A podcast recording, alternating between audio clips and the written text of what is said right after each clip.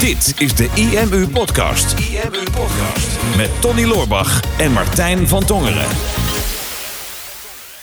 Tony, stel dat je nu helemaal geen business zou hebben, maar je hebt wel al je SEO-expertise. Hoe zou jij aan de slag gaan om je eerste klant binnen te krijgen?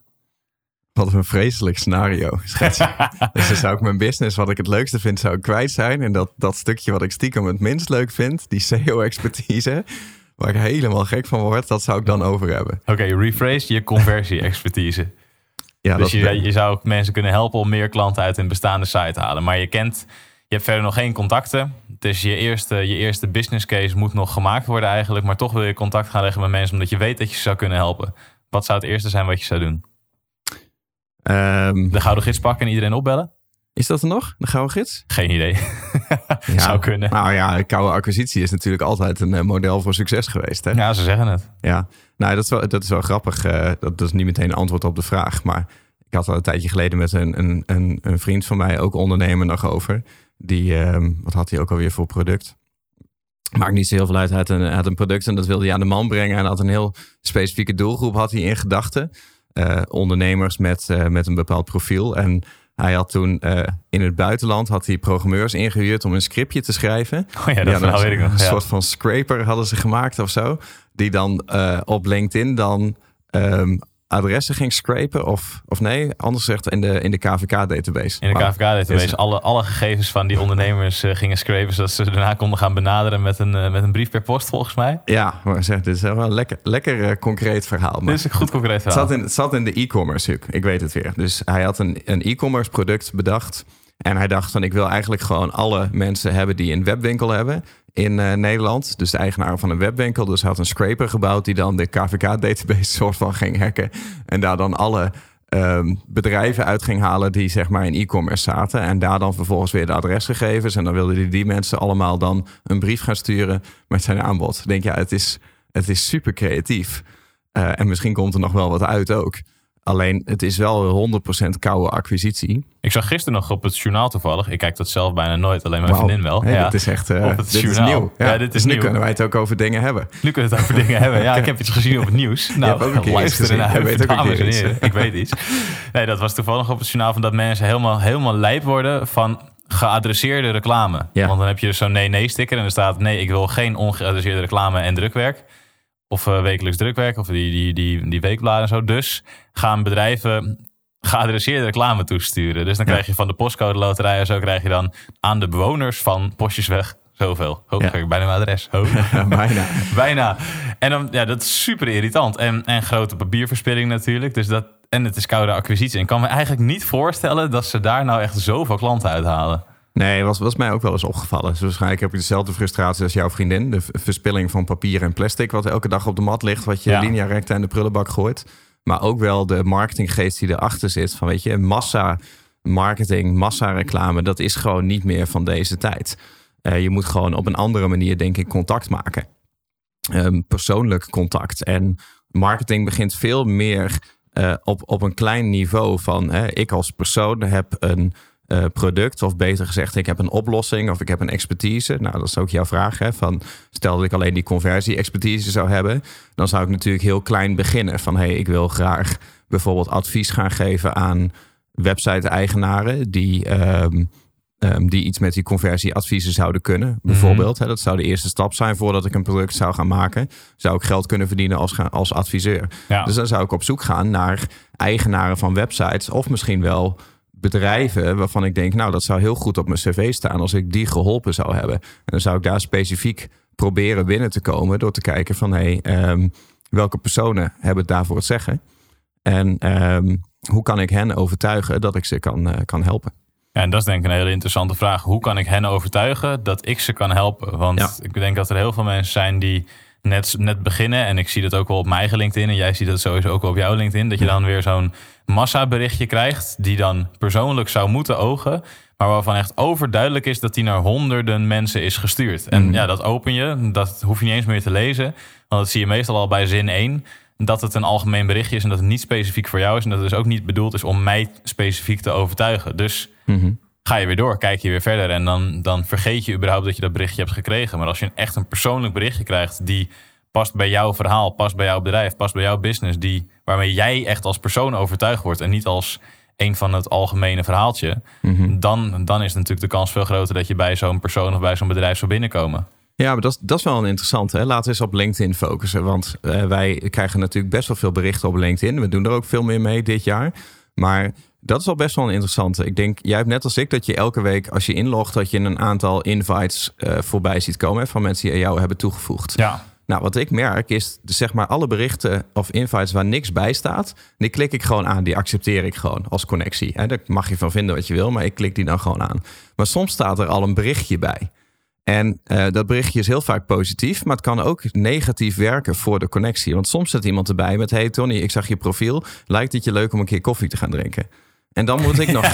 dan, kennen ze jou nog niet. Ja, Nee, nou, ja, het lijkt mij zeker leuk om koffie te gaan drinken. Maar niet met die mensen. niet met jou. nee, nee, dat is flauw. Maar ehm, ik denk dan van ja, weet je, ik ken jou niet. En ik krijg zoveel verzoekjes voor koffieafspraken. Dan, ik denk dan van als ik nu klik op connectie accepteren, dan zit ik al zo'n beetje aan die koffiedate vast. Of dan moet ik daarop gaan reageren. Dus ik klik dan zo'n connectieverzoek vaak weg. Dus dan maak je eigenlijk de eerste stap. Eh, gooi een dusdanig hoge drempel in dat je mij daar eigenlijk al mee afketst. En dat merk ik in connectieverzoeken, maar dat merk ik sowieso heel vaak. Dat ik krijg heel veel berichten eh, over dit soort dingen. Van hè, kunnen we een keer sparren? Wil je investeren? Wil je eens nadenken over mijn website? Maar meestal is het gewoon heel algemeen. Ik kreeg bijvoorbeeld deze week kreeg ik een berichtje van iemand die had gestuurd van hey eh, Tony, ik zie net jouw profiel. Volgens mij doe jij een aantal dingen goed. En hebben we veel raakvlakken. Zie je het zitten om eens eh, af te spreken. En ik had het gewoon, genegeerd, want het leek mij een massa bericht te zijn. Want volgens mij doe jij een aantal dingen goed. Ik denk, ja, dat kan op ieder mogelijk profiel slaan. En volgens mij hebben we een aantal overeenkomsten, kan ook op ieder profiel slaan. Dus ik had, eh, kreeg eh, gisteren een berichtje van, heb je mijn bericht gezien? Dus ik had gereageerd van, ja, ik had het wel gezien, maar ik dacht dat het reclame was. Maar ik spreek sowieso nooit zomaar af, af tenzij het heel concreet is. Maar het bleek dus wel gewoon een persoonlijke uitnodiging te zijn. Wauw. En denk, ja, daar, daar zit het om heel, heel vaak gewoon in. Dat de meeste mensen natuurlijk netwerk of acquisitie gewoon op een totaal verkeerde manier aanpakken. Hè? Dus dat je helemaal niet binnenkomt bij iemand, maar dat je Klopt. iemand met name afketst. En wat het, omdat het inderdaad best gewoon fysiek afspreken of Hm. ook al een belletje is een hele hoge drempel. Zeker voor een drukke ondernemer zoals jij of ik. Hm. En ik heb dan, ik weet niet of jij dat ook hebt, maar als mensen mij dat verzoek toesturen, dan, en dan is het dan als we al een con- connectie hebben.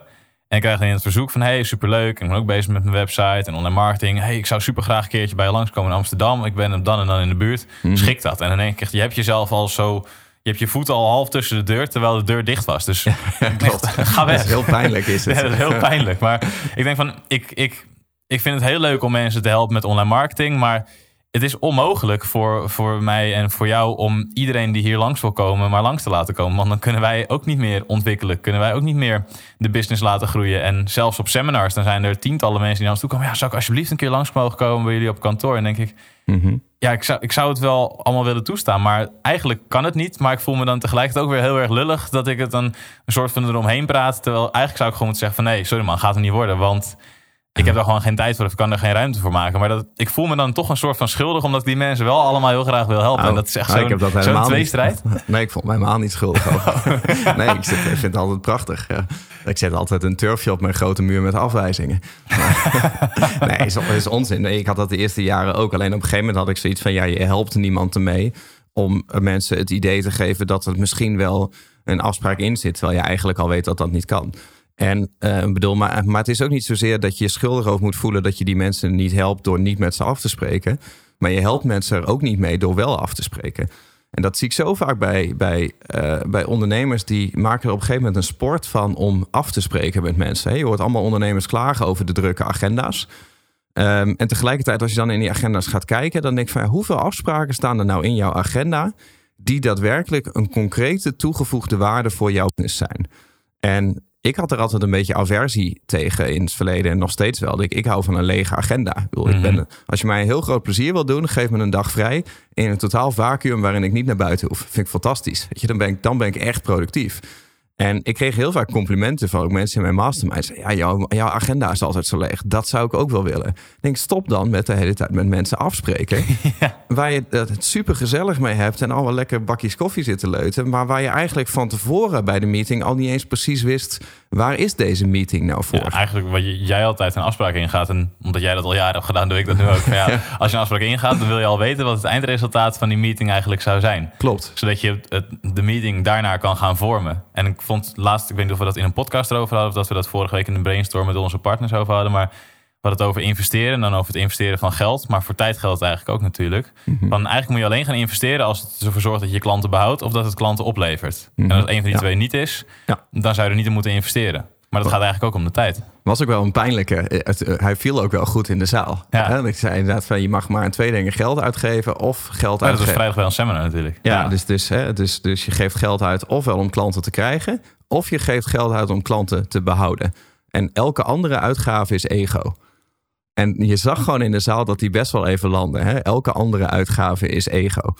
En dat is het natuurlijk vaak wel. En, en dat is met tijd is Tijd is het ook toch investering. Ja, dan heb je een hele drukke agenda. En op Instagram zie je ook, oh, koffie date met die en ik ben lunchen met die. Maar ja, ja, nou ben ik een echte ondernemer. Want mijn telefoon gaat de hele tijd. En ik heb de hele tijd drukke afspraken. Top. Top. Ja, ja maar dan komen we niet Nachtmerrie voor jou en nachtmerrie voor mij. Precies. Ja. Nee, maar, maar dat is het. Dus, dus als we teruggaan naar dat LinkedIn. Van weet je, als je iemand wil benaderen. Um, waarvan je denkt van nou, ik wil graag met die persoon afspreken. Dan uh, is het niet zozeer zaak dat jij je voet tussen de deur duwt van hey, ik zou het zo fijn vinden als ik een keer met jou kan afspreken. Want dan weet je eigenlijk al van ik vraag nu iets van iemand anders waar alleen ik iets aan heb.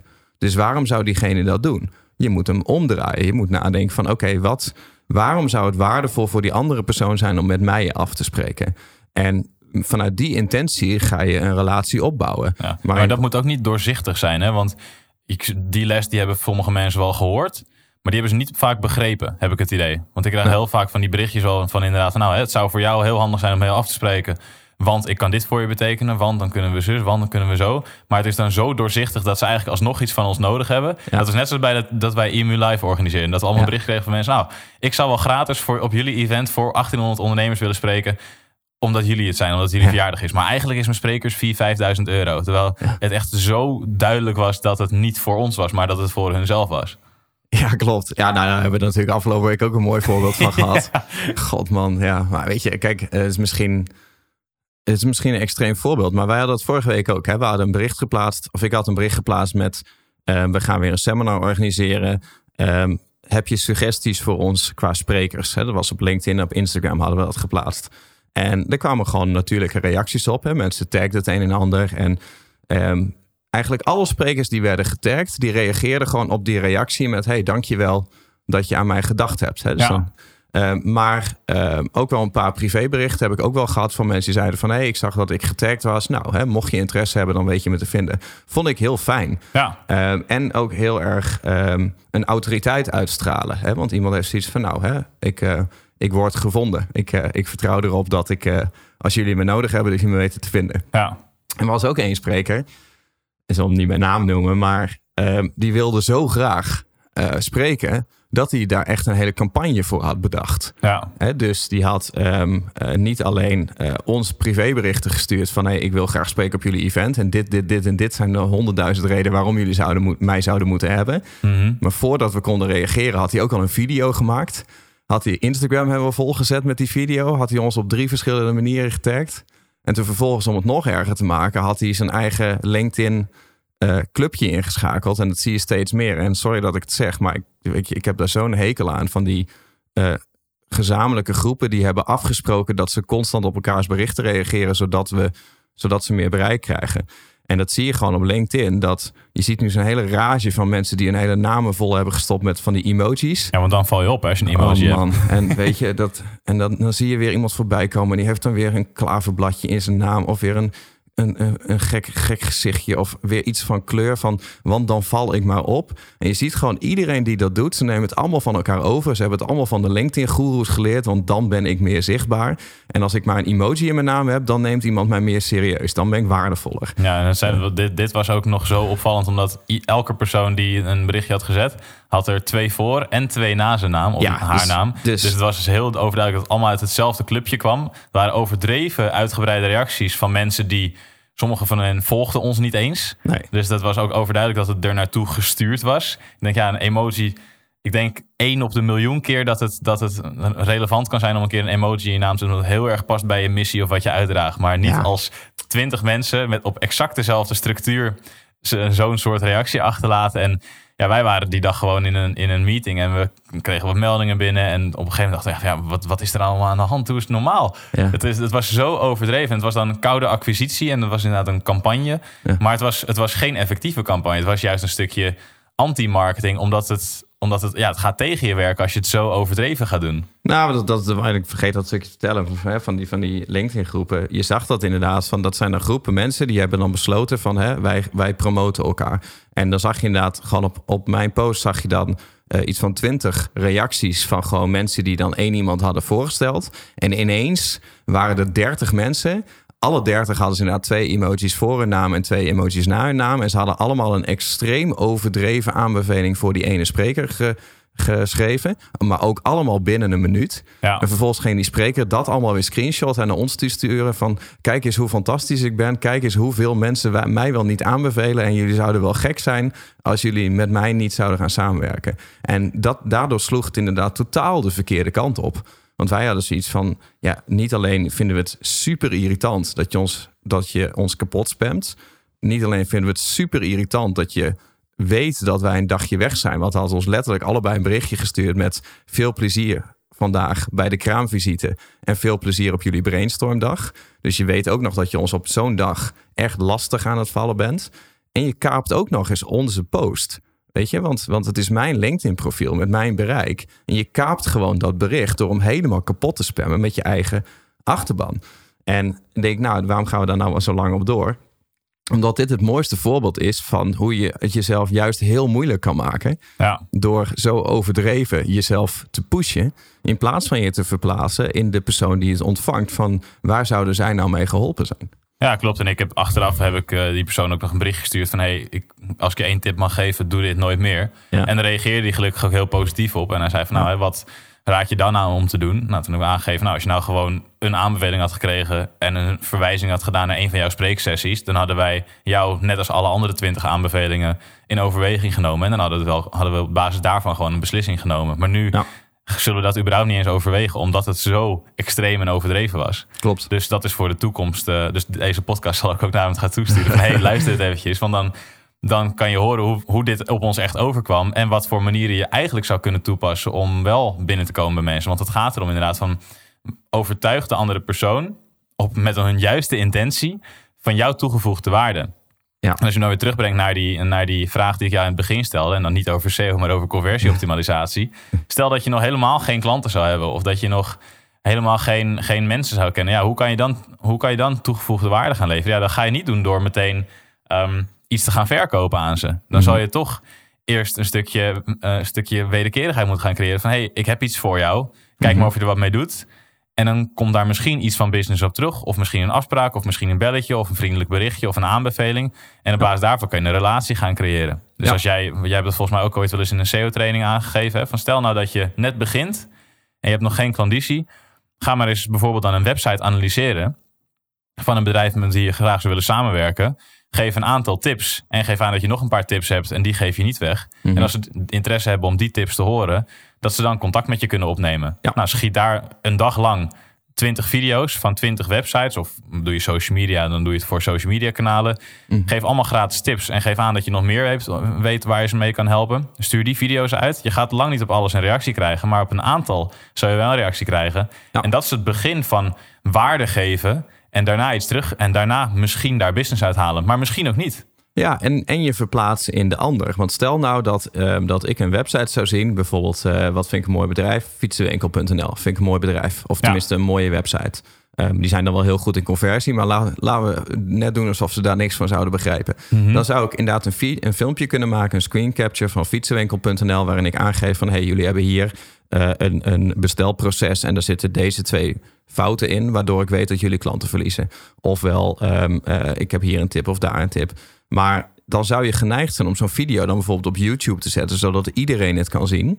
en ook fietsenwinkel. Maar dat is juist voor fietsenwinkel zou dat heel vervelend zijn. Mm dat is juist anti-marketing. Want dan zet je dus gewoon in het publieke domein, zeg je van hé, hey, uh, er is van alles niet goed met jullie site en nu moeten jullie mij wel inhuren. En het is ook een stukje borstklopperij. Ja, en, en dan wordt het inderdaad weer anti-marketing. Want dan denken ze, jezus, die Tony, doe normaal man. Mm Ja, klopt. Want dan, dan is het inderdaad van, hé, hey, kijk, mij is deze website goed analyseren en afkraken, hahaha. Ja, klopt. Dus je wil het eigenlijk gewoon uh, een verborgen video gewoon naar die mensen zelf sturen. Ja. Uh, en dat, dat is online, maar dat is offline ook, weet je. Dan als jij je eerste klanten nodig hebt, ja, ga daar naartoe waar jouw ideale klant is. Bijvoorbeeld een, een borrel of een, uh, of een seminar of, of iets van een, van een uh, activiteit binnen, binnen het vakgebied waar jij in wil zitten.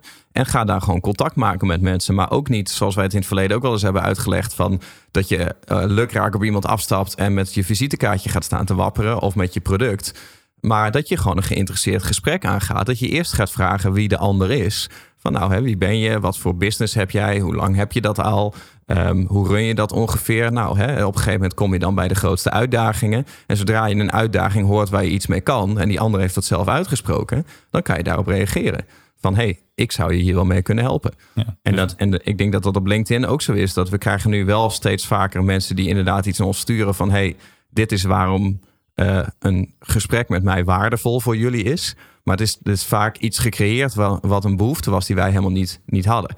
Hè, dus, dus we krijgen, uh, ik krijg heel veel berichtjes van mensen die bijvoorbeeld sturen van... hey, kunnen wij een keer koffie drinken? Kunnen gaan samenwerken? Want ik heb een supergoed idee. En dan doe ik het bedrijf. En als jij dan de marketing doet, dan kan je daar wel, wel een stuk aandelen krijgen. En dan denken ze, dit is waardevol voor hem, want hij kan aandelen krijgen. Maar dat was niet een behoefte die ik had... En ik denk dan vaak het principe van hè, wat stampen we samen hard, zeiden de mug en de olifant. Hè? Ik denk, dan ja, kan ik het bedrijf succesvol gaan maken met mijn marketing en dan krijg ik daar een stuk aandelen voor. Dus ook daar, je ziet dat het gewoon zo vaak wordt de plank misgeslagen door een aanbod of een, een, een te zwaar iets iemand kant op te slingeren. In plaats van gewoon persoonlijk contact maken, iemands behoefte achterhalen en daar dan vervolgens een oplossing voor bieden. Ja, klopt. Dus wat je, wat je eigenlijk wil doen is niet meer denken in koude acquisitie, maar meer in relaties opbouwen. Dus oké, mhm. hoe kan ik een connectie krijgen met mensen waar ik misschien mee zou willen samenwerken? En er ook oké mee zijn dat het misschien geen samenwerking wordt mhm. in eerste instantie. Maar als jij gewoon een goed contact hebt gelegd met iemand mhm. en die heeft op dit moment geen behoefte aan jou, maar je hebt gewoon een goede indruk achtergelaten. Misschien dat ze je na drie maanden of na een half jaar of na een jaar wel gaan benaderen van hey, we hebben toen contact gehad of we hebben toen koffie gedronken of wat dan ook. En toen, ja, ik dacht nu ineens van hey, jij kan mij vet goed helpen bij dit onderdeel van mijn business. Dat was destijds niet relevant, maar nu ben ik groot genoeg om bijvoorbeeld wel volle bak in te gaan zetten op Facebook advertenties of op Instagram advertenties of om met website optimalisatie aan de slag te gaan. Dus mhm. niet meer denken in koude acquisitie eigenlijk, maar meer van oké, er zijn een aantal mensen die ik niet ken of er zijn bedrijven die ik niet ken.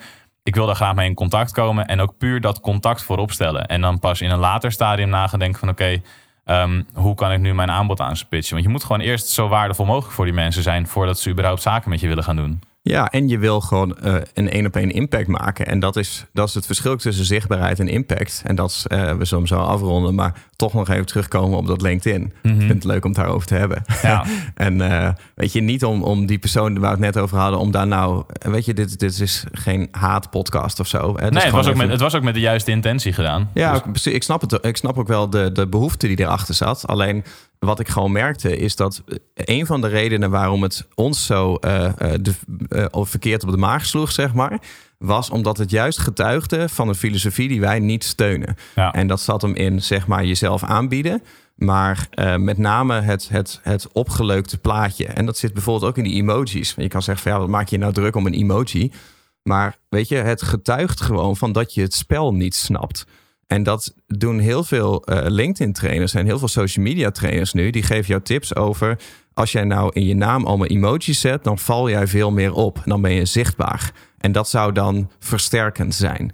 Uh, als jij uh, een botje aanschaft, hè, dus een tooltje aanschaft waarmee jij automatisch andermans LinkedIn-profiel gaat bezoeken of automatisch connecties toevoegt, dan kan je wel van 100 connecties naar 1000 connecties gaan. En het is bijna elke dag dat ik op LinkedIn inlog, dat ik wel iemand zie met een oproep, zoiets als van hoe ik van 1000 naar uh, eh, 6000 connecties ben gegaan in zoveel maanden. En dan moet je reageren van, wil jij weten hoe ik dit heb gedaan? Reageer met ja, of reageer met oké, of, of reageer met dit. En dat zijn allemaal van die manieren om zeg maar aan heel veel massa te komen. Hè? Dus het mhm. is heel veel zichtbaarheid. Maar je hebt niets aan die zichtbaarheid als dat als jij 8000 volgers hebt die jou allemaal helemaal niet kennen. En die jou alleen maar zijn gaan volgen omdat ze zelf ook graag 8000 connecties wilden hebben. Dan volg je elkaar niet, dan ben je alleen officieel met elkaar verbonden. Maar je maakt helemaal geen impact bij al die mensen. Dus die mensen zullen jou ook niet gaan liken, zullen ook niet gaan reageren. En die zullen zeker geen zaken met jou gaan doen. Het heeft helemaal geen zin om 8000 mensen te bereiken die geen zaken met jou willen doen. Je kan veel beter acht mensen bereiken die wel zaken met jou willen doen. En dat is een beetje waar het vaak misgaat op social media en online marketing. Dat het een, een spelletje lijkt te worden over grote getallen. En dat het helemaal niet meer gaat over de menselijkheid. En ik vind dat dan allemaal terugkomen in zo'n emoji. ik denk van ja, als jij een emoji nodig hebt om op te vallen. En dat dat eigenlijk belangrijker is dan de kracht van je profiel of de kracht van je persoon. Dan denk ik dat je er met de verkeerde intentie in staat. Ja, dus kortom, wat je eigenlijk wil gaan doen is wees zo waardevol mogelijk. En kijk naar de behoeften van de mensen met wie je eventueel zou willen samenwerken. En wees gewoon zo waardevol mogelijk zonder daar iets voor terug te verwachten. En dan komt het sowieso wel goed. En dan ga je relaties bouwen en dan ga je meer business doen. En emoties uit je naam halen. Anders dan ga ik je verwijderen als connectie. nee, het is flauw, maak een beetje extreem. Maar ik hoop dat je de kern van, uh, van dit verhaal snapt.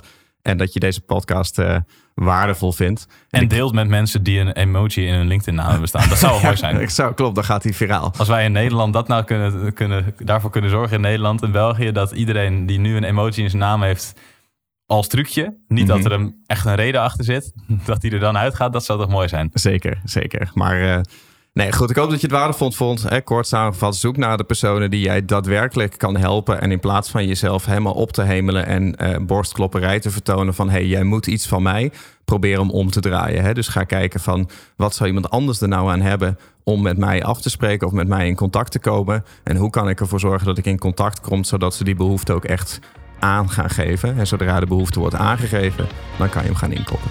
Amen.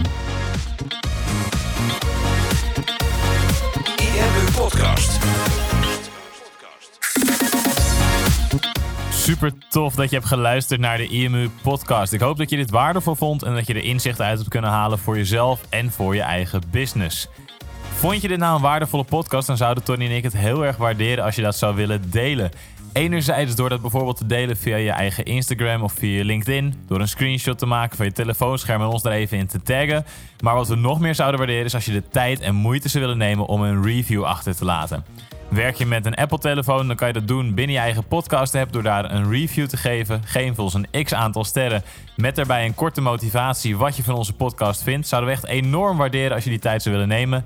En werk je met een Android-telefoon, dan zie je dat, daar, uh, dat de meeste apps geen review-mogelijkheid hebben. Wat we dan heel erg zouden waarderen is als je op Google IMU zou willen intypen en vervolgens via de Google Review-sectie iets zou willen vertellen over de IMU, wat je van ons vindt en wat je aan onze podcast hebt gehad. Alvast heel erg bedankt en ik hoop natuurlijk dat we je volgende week weer mogen verblijden met een volgende aflevering van de IMU-podcast.